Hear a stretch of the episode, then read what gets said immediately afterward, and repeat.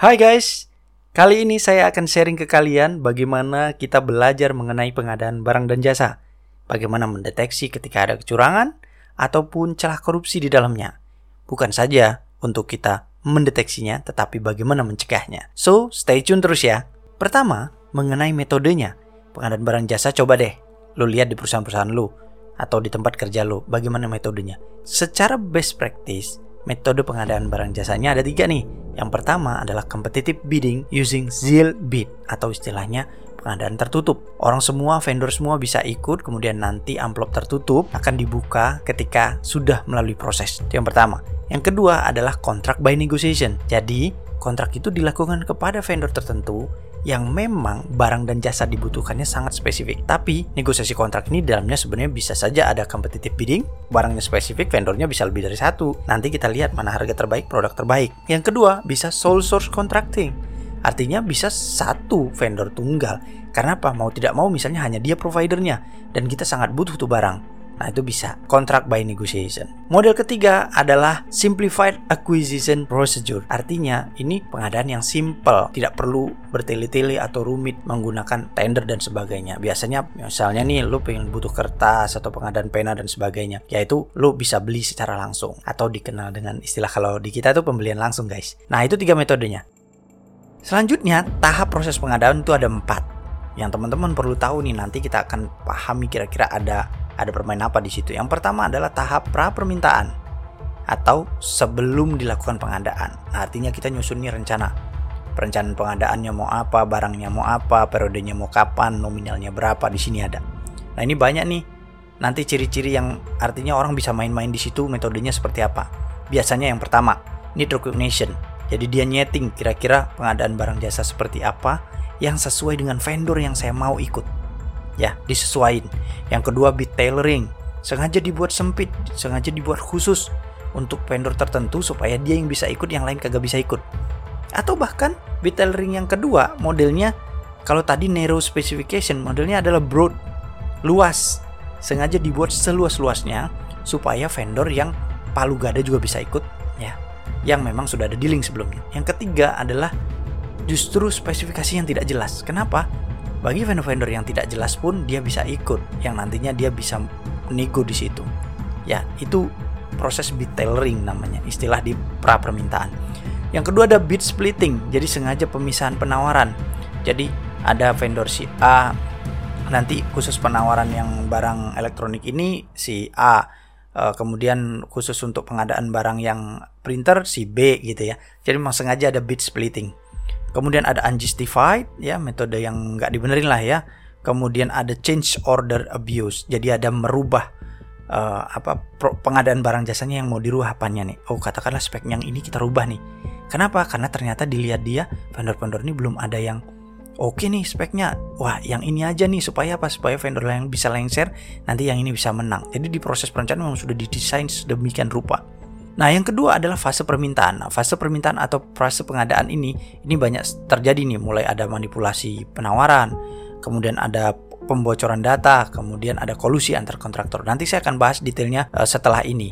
Yang ketiga adalah fase evaluasi. Sama, fase evaluasi ini ada bid manipulation, leaking bid data itu sama ya. Kemudian yang keempat adalah fase administrasi atau pasca perjanjian kontrak. Artinya barang-barang yang memang nggak bagus atau yang tidak sesuai dengan kontrak dan sebagainya. Kemudian ada upaya untuk melakukan change order ya, merubah supaya terlihat sesuai bahkan banyak sekali. Nanti saya akan jelaskan setelah ini. Selanjutnya kita bicara kategori fraud di dalam pengadaan. Yang ingin saya bahas adalah mengenai kolusi antar vendor atau collusion among contractor atau kolusi antar vendor atau antar provider ini biasa ya, common sekali ini terjadi dan kadang-kadang kita tidak menyadari apalagi bagi seorang panitia pengadaan yang harusnya memiliki integriti dia harus paham ini gitu ya. Yang pertama, kolusi antar kontraktor itu biasanya metodenya satu, complementary bids atau shadow atau cover bidding. Topengan.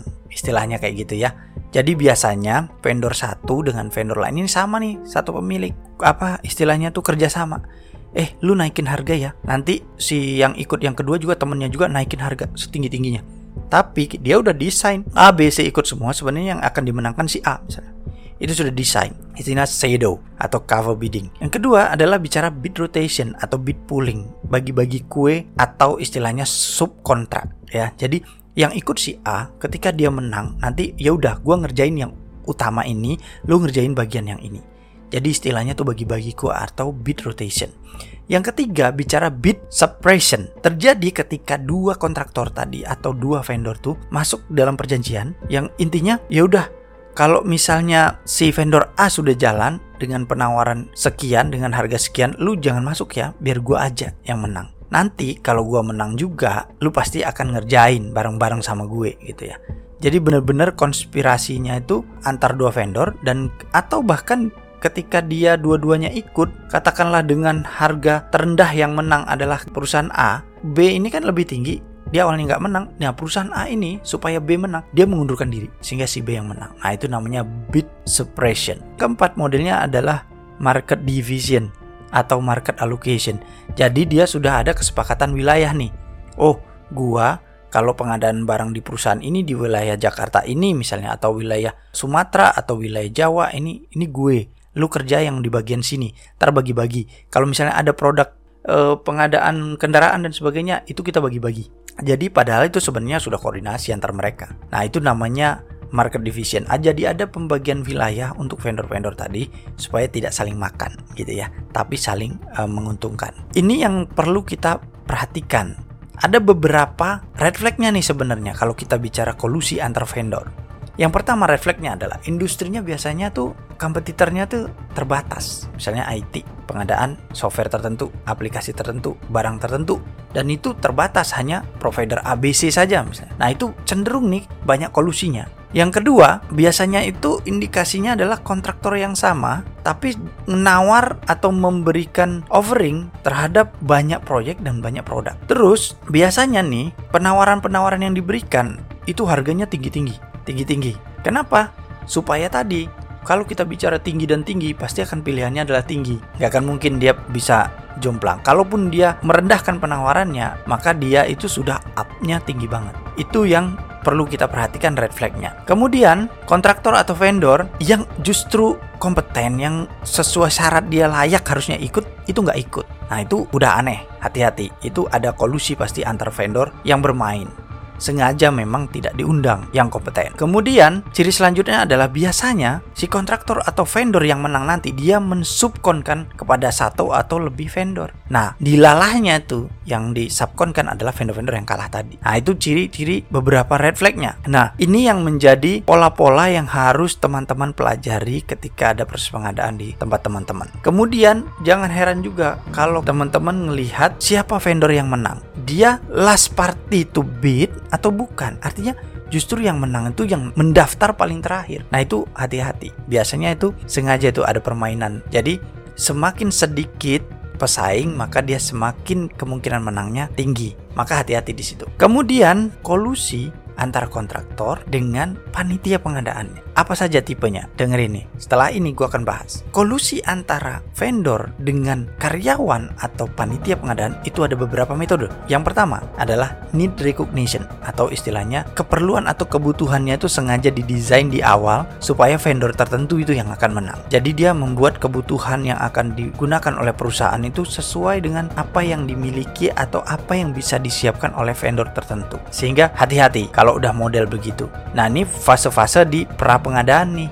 Pra permintaan biasanya di setting seperti ini. Biasanya pun employee ini atau dia harus meyakinkan sekali, dia meyakinkan pimpinan bahwa wah kita membutuhkan banget nih pak barang jasa ini. Bagus sekali dan sebagainya. Sehingga mahal pun itu tidak menjadi soal. Kenapa? Karena memang dia sudah meyakinkan sekali padahal sebenarnya di situ ada permainan. Nah red flagnya apa biasanya itu menilai kebutuhannya nggak akurat, nggak memadai, analisisnya nggak jelas. Sebenarnya cost and benefitnya seperti apa pun tidak jelas disampaikan gitu ya. Kemudian dia tidak memberikan daftar vendor alternatif untuk ikut serta memenuhi pengadaan barang dan jasa yang akan dilakukan oleh perusahaan. Kemudian yang ketiga, estimasi. Estimasi itu nggak disiapkan setelah pengadaan diminta, dia baru disiapkan. Harusnya kan kalau bicara estimasi itu dibuat dulu nih sebelum proses pengadaan itu. Kira-kira estimasi sekian dan sebagainya gitu ya. Justru dibuatnya setelah adanya permintaan. Kemudian ciri-ciri selanjutnya biasanya nih barang dan jasanya itu dari sumber atau provider tunggal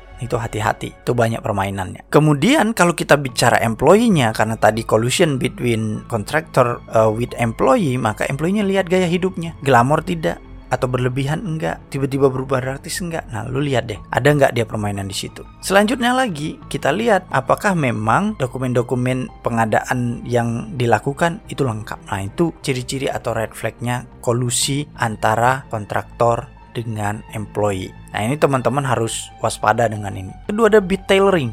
Apa sih bit tailoring? Bit tailoring itu adalah istilahnya tuh skema spesifikasi atau uh, skema penyesuaian penawaran atau offering. Nah ini di pra pengadaan nih. Jadi misalnya ada seorang pekerja atau seorang karyawan panitia pengadaan barang jasa dia bertanggung jawab nih sama pengadaan. Itu dia berkolusi dengan kontraktor. Merancang spesifikasi dari penawaran dengan cara memberikan keuntungan yang gak adil nih. Sehingga kontraktor yang lain itu kalah. Jadi dia merancang spesifikasi. Bahkan mungkin dia akan eh speknya begini proposalnya harus begini dan sebagainya. Sehingga yang lain akan gak sesuai. Misalnya nih ini barang ini bisa nggak komputernya ini langsung oh, otomatis update antivirus? Misalnya gitu ya aplikasinya bisa tidak misalnya gitu. Bisa. Nah, dia bikin syarat spesifikasinya seperti itu. Sehingga yang lain yang nggak bisa otomatis gugur. Atau penilaiannya jelek. Nah metode bit tailoring sendiri itu ada tiga. Nah bit tailoring itu yang pertama adalah biasanya tadi yang saya katakan dia spesifikasi sempit kemudian spesifikasi luas spesifikasi yang tidak jelas Tujuannya ya tadi semata-mata kalau kita bicara spesifikasi sempit, barang khusus dan hanya provider tertentu yang bisa sehingga disetting didesain dari awal supaya dia yang menang. Yang kedua luas, jadi kualifikasi yang nggak memenuhi syarat pun vendor yang nggak memenuhi syarat pun bisa ikut sengaja dibuat luas. Kemudian yang terakhir justru nggak jelas. Kenapa? Sengaja untuk menghilangkan spesifikasi penawaran sehingga nanti pada saat udah menang dia akan mengadendum-adendum perjanjian kontrak, bahkan bisa naikin atau nurunin harga. Nah, itu ada tiga metode bit tailoring. Nah, red flagnya apa bit tailoring ini? Kalau red flag yang pertama jelas kontrol yang lemah dari proses pengadaan. Siapa melakukan apanya nggak jelas. Yang kedua, biasanya hanya satu atau beberapa vendor yang mengajukan offeringnya, yang ikut pengadaan. Kemudian ketika barang atau pengadaan atau vendor yang ikut itu masih sedikit, dia nggak melakukan rebidding lagi. Jadi nggak ada penawaran ulang. Pokoknya lanjut aja gitu ya. Misalnya yang ikut cuma dua ya memang dia pengen menangkan yang satunya lagi. Padahal dia syaratnya harus lima minimal yang ikut. Ya sengaja dilanjutin aja. Itu hati-hati red flagnya. Kemudian kesamaan spesifikasi. Jadi antar spesifikasi produk atau jasa vendor itu sama-sama nih. Lihat aja dulu spesifikasi penawarannya sesuai nggak produknya kemudian lihat lagi dokumennya sama enggak kemudian dilihat lagi nih dalamnya isi-isinya sama atau tidak gitu ya. Coba dilihat deh karena itu indikasi ada bit tailoring di situ ya. Kemudian kita lihat lagi kadang-kadang informasi pengajuan penawarannya itu nggak jelas supaya yang kalau dia belum masuk vendornya itu bisa ikut. Nah, selanjutnya ada istilahnya bid manipulation. Bid manipulation atau manipulasi penawaran itu melibatkan misalnya fraudster yang mempengaruhi pada saat pemilihan kontraktor atau vendor sehingga membatasi para pesaing nih. Jadi vendor itu akan ngebujuk nih panitia pengadaan barang jasa supaya pesaing-pesaingnya nggak bisa menang Tentunya dengan apa? Dengan cara mungkin spesifikasinya dimanipulasi ya supaya cuman dia aja yang bisa memenuhi syarat sehingga pesaingnya kalah. Nah, itu bid manipulation.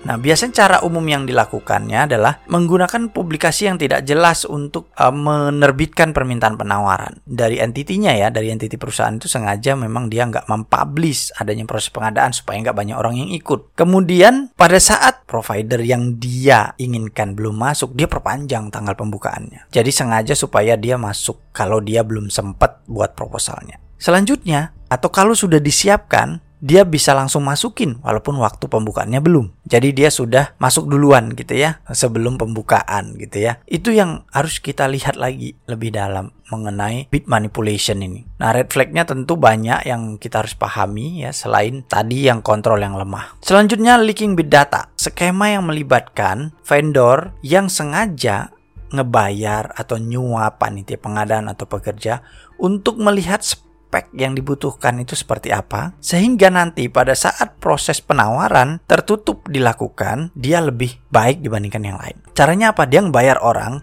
orang dalam untuk ngebukain tuh proposal-proposal tertutupnya pesaingnya, dilihat harganya, speknya seperti apa. Nah, dia dapat informasi itu terus dia buat proposal yang baru, yang lebih bagus, sehingga apa? Sehingga bisa ngejawab keinginan dari entitas perusahaan, panitia pengadaan. Nah, ini banyak nih ciri-cirinya biasanya itu panitia pengadaan tuh kontrolnya lemah ya kemudian biasanya yang menang itu dia nawar di bawah ya penawaran terendah lah ya tepat di bawah penawaran terendah. Jadi misalnya kalau nawar penawarannya itu 100 juta misalnya dia ya udah dia nawar ya 100 juta gitu ya. Di padahal di angka angka kita misalnya anggarannya adalah 100 juta dia tawar di angka katakanlah ya memang 100 juta. Kemudian biasanya tuh kontraktor tuh dokumennya palsu supaya apa pokoknya dikirim-kirim dulu supaya dia nggak terlambat ngirim nah nanti baru tahap selanjutnya proses membenarkan atau memperbaiki dokumen-dokumen kemudian biasanya kalau di sini leaking bit data itu ya tadi jelas ada personil yang ngebocorin data-data para pesaing kepada vendor yang memang uh, dia inginkan gitu ya. Selanjutnya ada istilahnya bid splitting atau pemecahan project. Nah, secara umum panitia pengadaan atau perusahaan itu harus menggunakan metode kompetitif untuk proyek di atas jumlah tertentu. Untuk menghindari persyaratan ini, karyawan yang tidak jujur mungkin memecah proyek besar menjadi beberapa yang kecil yang berada di bawah tingkat penawaran wajib dan memberikan sebagian atau semua pekerjaan komponen kepada kontraktor yang bersongkol dengan karyawan tersebut. Nah, itu sebagian kecil sharing terkait pengadaan barang jasa. Kalau lo ingin tahu lebih lengkap, selalu stay tune di channel gue ya Telik Sandi. Jangan lupa lihat di YouTube atau di Instagram gue. Thank you dan salam Telik Sandi.